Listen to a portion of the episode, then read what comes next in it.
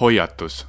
antud saates juttu tuleb väga julmadest sündmustest ning nendel, kes ei ole selleks sisemiselt valmis, soovitame seekord saadet mitte kuulata.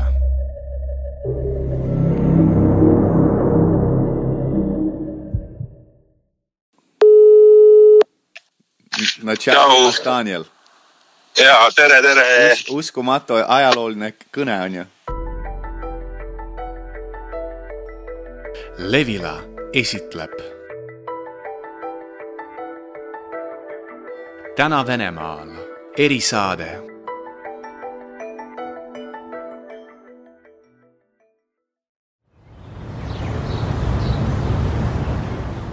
märts kaks tuhat kakskümmend üks. minu riik on keset järjekordset koroona lockdowni. koolid on kinni, kuid avatud on lasteaiad. Täna on neljapäev. minu vanemad lapsed õpivad kodus, kuid väiksemaid peab viima lasteaeda. Pole midagi hullemat, kui kõik neli last koju jätta. kui olen joonud ära klaasi vett ning teinud oma hommikuvõimlemist, on mul plaanis oma väiksed monstrikesed üles äratada ja seejärel kokku pakkida nii ma nimetan hoolitsevalt oma nooremaid tütreid. tegelikult pakib neid kokku minu abikaasa ja ma olen talle väga tänulik, sest keegi oskab panna tüdrukuid paremini riidesse kui veel üks tüdruk. mina tegelen vaid logistilise funktsiooniga. viin neid punktist A punkti B. lasteaed asub poole kilomeetri kaugusel, seepärast terve protsess võtab umbes kümme, maksimum viisteist minutit jõudes koju tagasi, teen seda, mida enamus meist. loen uudiseid.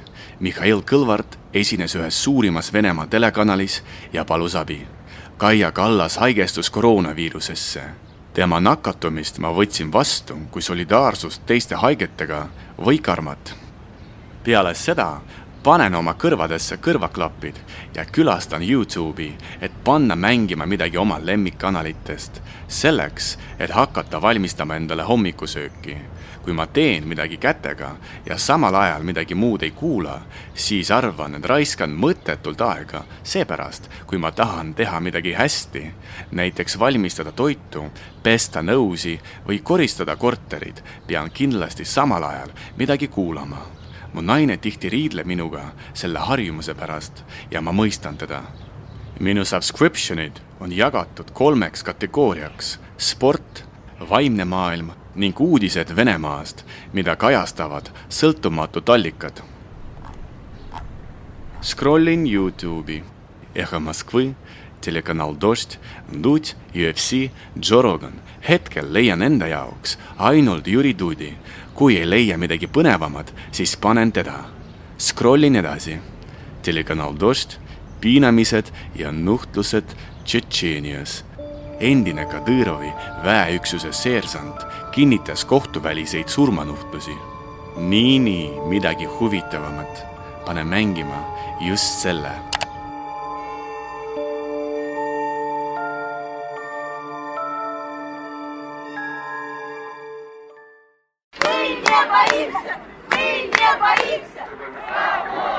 viimase aja uudised Venemaast olid keskendunud Aleksei Navalnõile.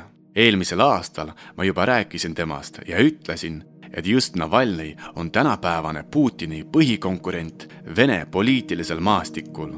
peale seda, kui see saade välja tuli, on Navalnõid jõutud ära mürgitada, kui mingi ime tõttu on suutnud ta ellu jääda, korrates Uue Testamendi peamist lugu ülestõusmisest raviti teda juba Saksamaal, kus leiti tema kehast keemilise relva Novitšok jälgi. seejärel avaldas Aleksei Navalnõi uuringu, milles rääkis, kes täpselt üritas teda mürgitada ja isegi helistas ühele oma mõrvaritest, muutes oma häält ja esitades ennast kui julgeolekunõukogu sekretäri abi.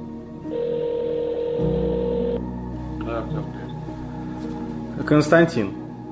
Алло, Константин Борисович. Здрасте, меня зовут Устинов Максим Сергеевич. Я помощник Николая Платоновича Патрушева. keegi ei uskunud, et peale kõiki neid sündmusi julgeb Navalnõi tulla tagasi Venemaale, riiki, kus teda üritati sihikindlalt ära tappa, kuid ta siiski tuli ja sellega hämmastas nii oma pooldajaid kui ka oma oponente jõudes kodumaale, võeti ta koheselt kinni, saadeti vangi süüdistatuna kelmuses, milles prokuröri sõnul Navalnõi osales aastatel kaks tuhat kaheksa kuni kaks tuhat üksteist. selle vastu oli Navalnõil ette valmistatud veel üks trump, video uurimine Vladimir Putini lossist, mis Navalnõi sõnul maksis üks miljard dollarit see film kogus vaid ühe nädalaga Youtube'is sada miljonit vaatamist. Panus oli tehtud sellele, et vaadates seda filmi, tuleb Venemaa rahvas protesteerima tänavatele ja kukutab tegutseva võimu. rahvas tuligi välja, aga mitte piisavalt palju ning käitus mitte nii radikaalselt, et tekitada järjekordset revolutsiooni seepärast tänaseks istub Navalnõi vangis ja mis saab edasi, ei tea keegi kui lühidalt, siis hetkel Putin võidab.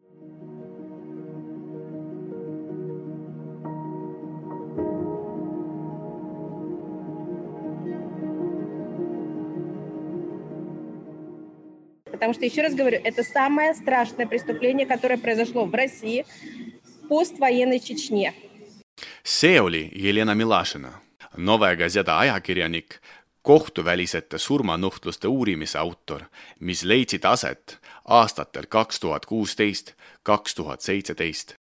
ta räägib, et ta suutis võtta intervjuud inimeselt, kes töötas Ramzan Kadõrovi armee eliitüksuses ja sattus olema süütute inimeste tapmiste tunnistajaks esimene Milašina uuring Tšetšeenia kodanike tapmisest, kes väidetavalt pidid olema terroristid, ilmus välja kahe tuhande seitsmeteistkümnendal aastal. selle uuringu käigus selgus, et tegelikult keegi neist ei olnud terrorist. hiljem kirjutas Milašinale üks inimene, kes soovis rääkida temaga, kuna tema sõnul oli nende tapmiste tunnistaja. Selle inimese nimi oli Suleiman Gezmahmajev, edasi lihtsalt Suleiman selleks, et saada seda teha, pidi ta emigreeruma terve perega Saksamaale, sest kui ta emigreeruks üksinda, oleks olnud väga suur tõenäosus, et peale seda intervjuud oleks ta kodumaal kuulutatud reeturiks ning terve tema pere oleks ära tapetud. Tšetšeenia jaoks on see suht tavaline asi. Nove Gazeta on tuntud tava-Venemaa kodanikule kõigepealt sellega, et seal töötas Anna Politkovskaja, legendaarne ajakirjanik, kes pühendas erilist tähelepanu Tšetšeenia probleemidele. Politkovskaja on mitme raamatute autor, mis räägivad Tšetšeenia elust, Reis põrgusse, Tšetšeenia päevik ja Tšetšeenia, Venemaa häbistus ta kirjutas mitmeid artikleid nendest õudustest ja ebaõiglusest, mis toimusid Tšetšeenias sajandivahetusel. Anna Politkovskaja mõrvati kahe tuhande kuuendal aastal enda maja liftis. mõrvamine juhtus Vladimir Putini sünnipäeval ja vaid kaks päeva pärast Ramzan Kadõrovi sünnipäeva. Aleksandr Litvinenko, endine FSB agent, väitis, et selle mõrva tellija oli isiklikult Putin. And I can directly answer you, it is Mr Putin, the president of the Russian Federation who has killed her. peale seda väidet kaksteist päeva hiljem oli Litvinenko ise tapetud mürgitava ainega. Nove Gazeta on asutatud tuhande üheksasaja üheksakümne kolmandal aastal asutamisest kuni tänapäevani on peale Politkovskaja tapetud veel neli selle väljaande ajakirjanikku kaks elasid üle atendaadi.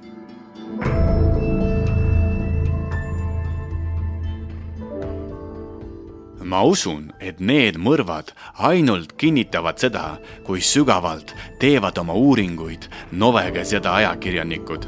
selline pühendumus teebki sellest ajalehest eripärase meedia, kus töötavad kõige julgemad ajakirjanikud riigis, milles paljud küsimused lahendatakse siiani vägivalla ja altkäemaksudega, kuid mitte seadusega, võib tõde olla paljude jaoks kahjulik.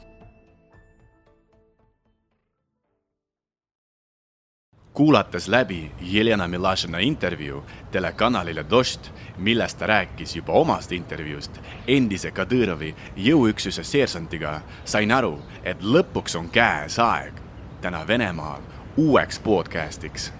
kuid mõned mõtted ei anna mulle siiamaani rahu. näiteks ma treenin Eesti parimat MMA sportlast, kes võitleb Venemaa suurimas MMA organisatsioonis ACA, mille üks rahastajatest on Ramzan Kadõrov.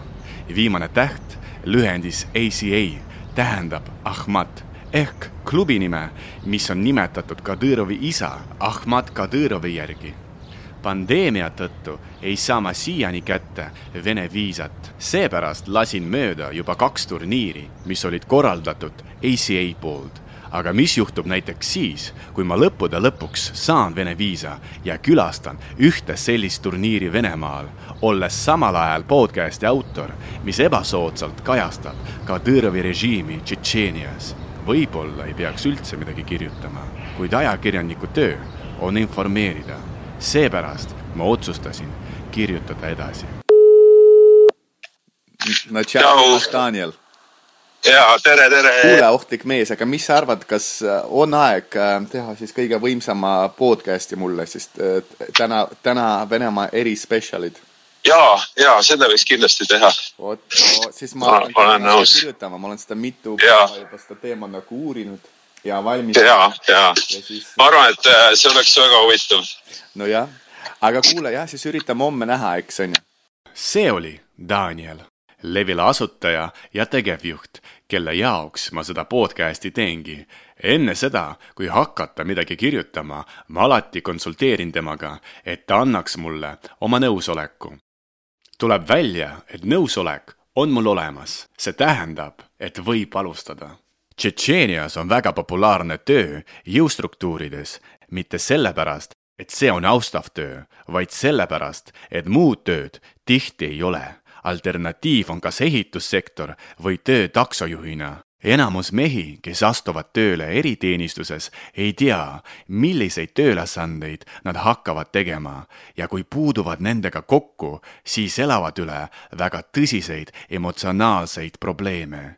paljud nendest lahkuvad töölt ning immigreeruvad välismaale Jelena Milašina esimene uurimus leidis aset kahe tuhande seitsmeteistkümnendal aastal ja peaaegu samal ajal, mõned kuud varem, intervjueeris Sulemani Saksamaa piirivalve tema poliitilise varjupaigataotluse teemal oma vastuses ta seletas, mis täpselt sundis teda lahkuma Tšetšeeniast ja muidugi rääkis ta põhjalikult, kuidas ilma mingi kohtu ja uurimiseta alguses piinati ja hiljem mõrvati inimesi. tsitaat intervjuust migratsiooniteenistuse ametnikule. küsimus, mis põhjusel te oma töölt lahkusite? vastus, need kolmteist inimest neid piinati ja tapeti. kui ma sain sellest teada, ei tahtnud ma enam seal töötada. Nad räägivad sulle, et sa pead piinama kedagi.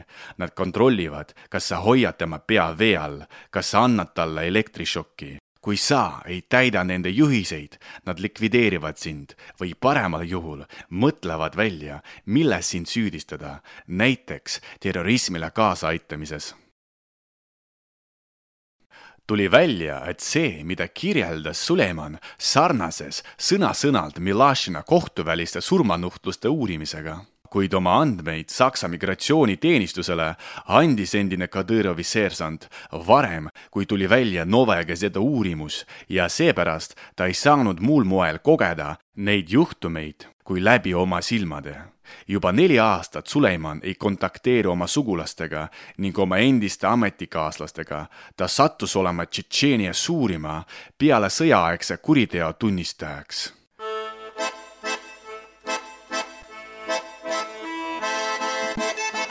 Tšetšeenia sai Vene impeeriumi territooriumiks tuhande kaheksasaja viiekümne üheksandal aastal Kaukaasia sõja käigus ja kogu ülejäänud aja on ta selgelt demonstreerinud, et riik, mis omab teistsugust religiooni, mis tähendab, et ka teistsugust kultuuri ja ka teist mentaliteeti, ei saa kunagi saada päriselt Venemaa osaks suurim küsimus, mis ei anna mulle rahu tänapäeval, miks Venemaa ei andnud Tšetšeeniale võimalust saada iseseisvaks nagu Gruusiale, Armeeniale või Kasahstanile.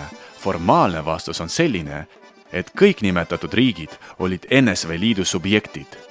Tšetšeenia samal ajal oli vaid autonoomne vabariik ja kui Tšetšeenia saaks iseseisvaks, siis ka muud sarnased vabariigid nagu Tatarstan, Dagestan, Ingušeetia ja teised võiksid soovida saada iseseisvaks, mis viiks Venemaa täieliku kokkuvarisemiseni. võib-olla see ongi nii, kuid see on ainult üks võimalikudest stsenaariumitest. kuidas oleks päriselt, seda ei tea keegi. mida me teame kindlasti, on see, et esimene ja teine Tšetšeenia sõda võtsid kümneid tuhandeid elusid. mõned on arvutanud, et hukkus umbes sada kuuskümmend tuhat inimest. me teame kindlasti, et paljud tšetšeenlased siiamaani kannavad enda sees viha venelaste vastu venelase jaoks aga sõna tšetšeenlane sarnaneb vandesõnaga kõigepealt selle tõttu, et tšetšeenidele on Venemaal lubatud palju tänu sellele, et Venemaa president suhtub eriliselt hästi Ramzan Kadyrovisse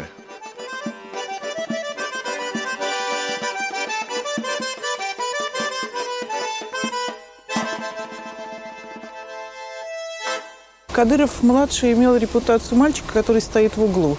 nooremat Kadyrovit teati kui poissi, kes pidi seisma nurgas ja parimal juhul oli tal lubatud valada teed vanematele inimestele, kui nad omavahel rääkisid.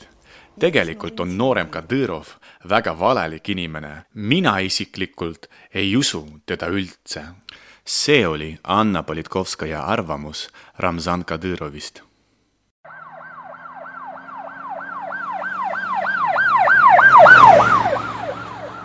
seitsmeteistkümnendal detsembril kaks tuhat kuusteist Tšetšeenias kuus noorukid ründasid oma tuttavat politseinikut ja hiljem tapsid ta. seejärel nad varastasid tema tööauto.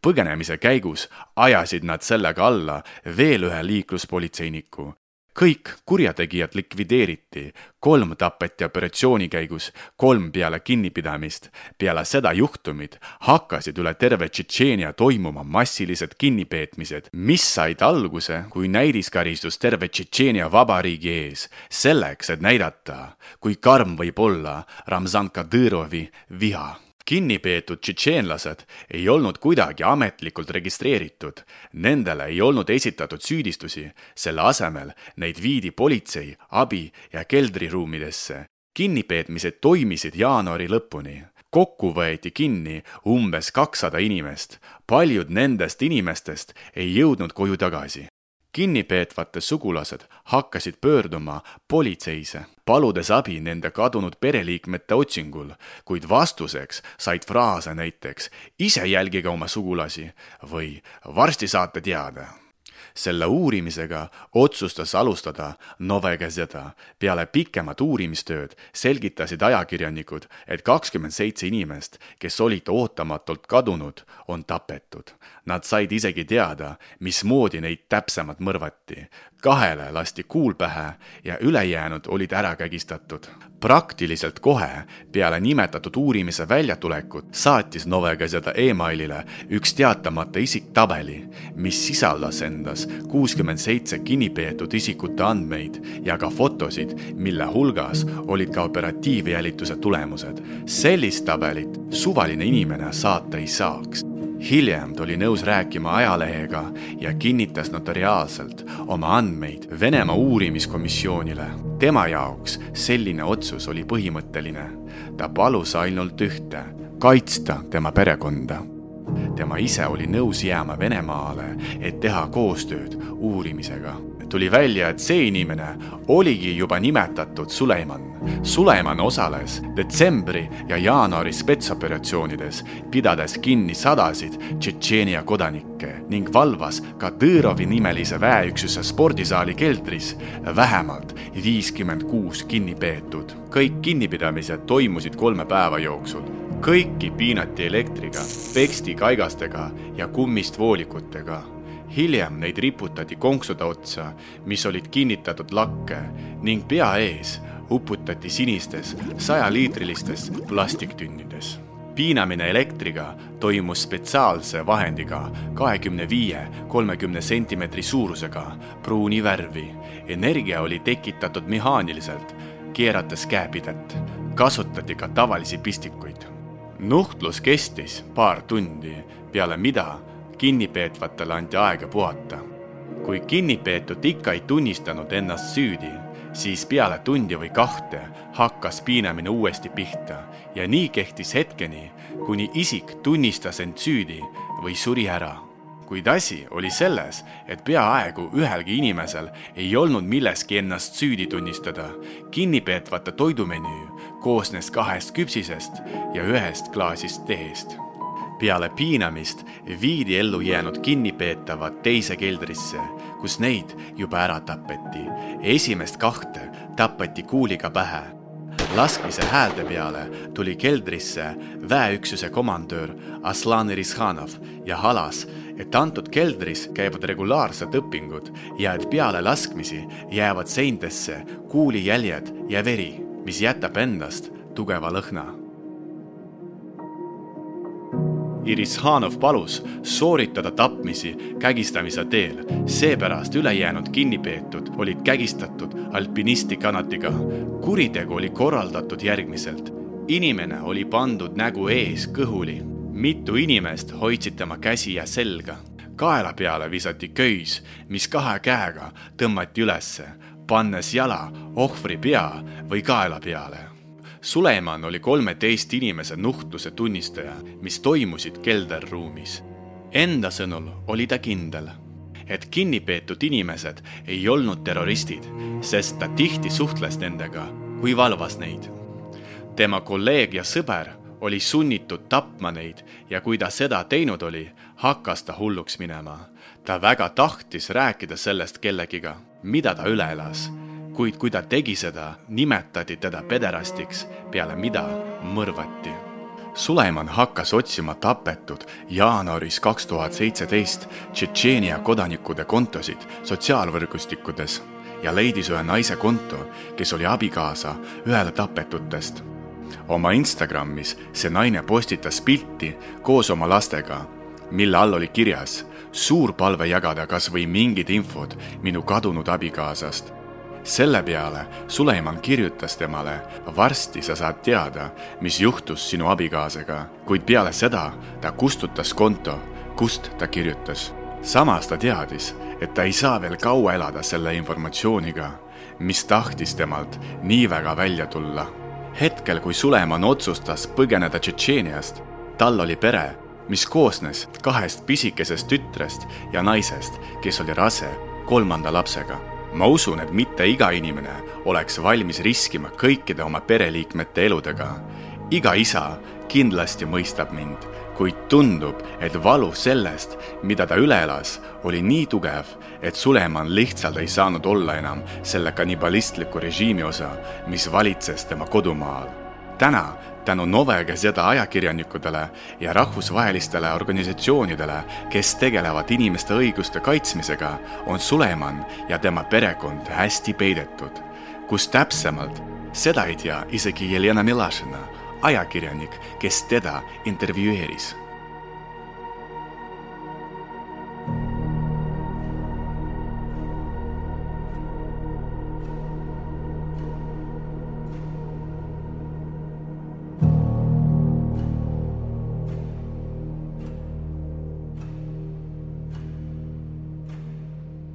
ma tahan jagada teiega veel paar huvitavat fakti, mida rääkis Suleman ajalehele Nove Gazeta.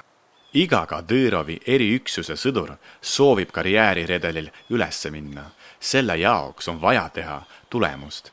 tulemusena nimetatakse tapetud terroristi.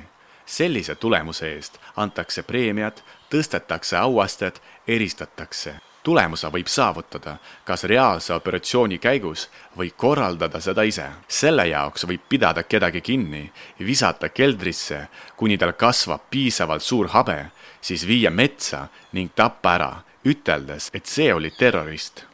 sellise protsessi nimi on ettevalmistus tulemuseks. Suleman puutus kokku sellise kogemusega aastal kaks tuhat kaksteist kevadel kevade alguses toodi baasi kaheksateistaastane poiss ja viidi keldrisse. teda valvasid kogenumad sõdurid. meie, kes alles asusime õppima, ei osalenud selles. kuskil kuu pärast minul hakkas pihta ettevalmistus esimeseks operatsiooniks, milles me pidime terroriste likvideerima. kahe ööpäeva jooksul mina koos oma rühmaga istusime valitsuses, kuid midagi ei juhtunud. Kolmanda ööpäeva alguses hommikul hakkas pihta reaalne laskmine. mina koos oma rühmaga tulin peidust välja ning nägin mõrvatut inimest. ta sai kuulidega silma ja rinda. mulle tundus, et tema jalaluud olid katki tal ei olnud midagi kaasas mingeid relvi ega miskit muud. meile seletati, et see oli sõjaline kokkupõrge, tema ei allunud ning oli tapetud, kuid see oli seesama noormees, keda kuu aega varem toodi keldrisse. ta oli väga hahkjas, juuksed ja habe olid kasvanud pikaks. teda toodi öösel kohale, lasti maha ning visati kaljult alla. just nii tehtakse tulemust aga nii kirjeldab Suleiman Ramzan Kadyrovit. kui Tšetšeenia televisioonis näidatakse, kuidas Kadõrov juhib terroristide likvideerimisoperatsiooni, see on lavastus. Alguses terroriste tapetakse, kontrollitakse, et antud territooriumil ei oleks ohtu ning piiratakse ümber ja ainult peale selle tuleb kohale Kadõrov isiklike turvameestega ning kaameratega. ma arvan, et ta kardab oma isanimelist väeüksust enne tema kohaletulekut pidime alati võtma padrunid magasinidest välja, meid alati hoolikalt kontrolliti. Kui Dünamo staadionil koguti kokku tuhanded Tšetšeenia politseinikud ja kõik hakkasid rääkima, et see on Kadõrovi armee, siis tegelikult oli armee relvitu. relvad olid ainult Kadõrovi isiklikul kaitsel tulles tagasi Eestimaa uudiste juurde, kui Mihhail Kõlvart esines Venemaa riiklikul kanalil või kui Kaia Kallas jäi koroonasse või kui palju nakatunuid meil lisandus, tulin järeldusele, et tegelikult me ei ela üldse halvasti. kui igaüks meist omab õigust vabalt avaldada oma arvamust või kritiseerida tegutsevat võimu ja sellega koos mitte muretseda oma elu pärast, siis tõesti ei ole kõik nii halb nagu mulle meeldib ütelda, kõik on alati suhteline, sest see, mis toimub teisel pool üle Narva piiri minu ajaloolisel kodumaal, on palju õudsam. kujutame ette, et me teiega koos istume ühe peolaua taga ja tähistame seda, et meie riigis iga inimese õigused on esikohal, meil peaaegu puudub korruptsioon ja et meie riik kõikide oma puudustega on siiski tõeline demokraatia näide. Ja kui ma sooviksin tõsta klaasi ning ütelda toosti, siis tõstaksin seda nende inimeste eest, kes igapäevaselt kaitsevad meie riigi piire ja taevast selle kohal.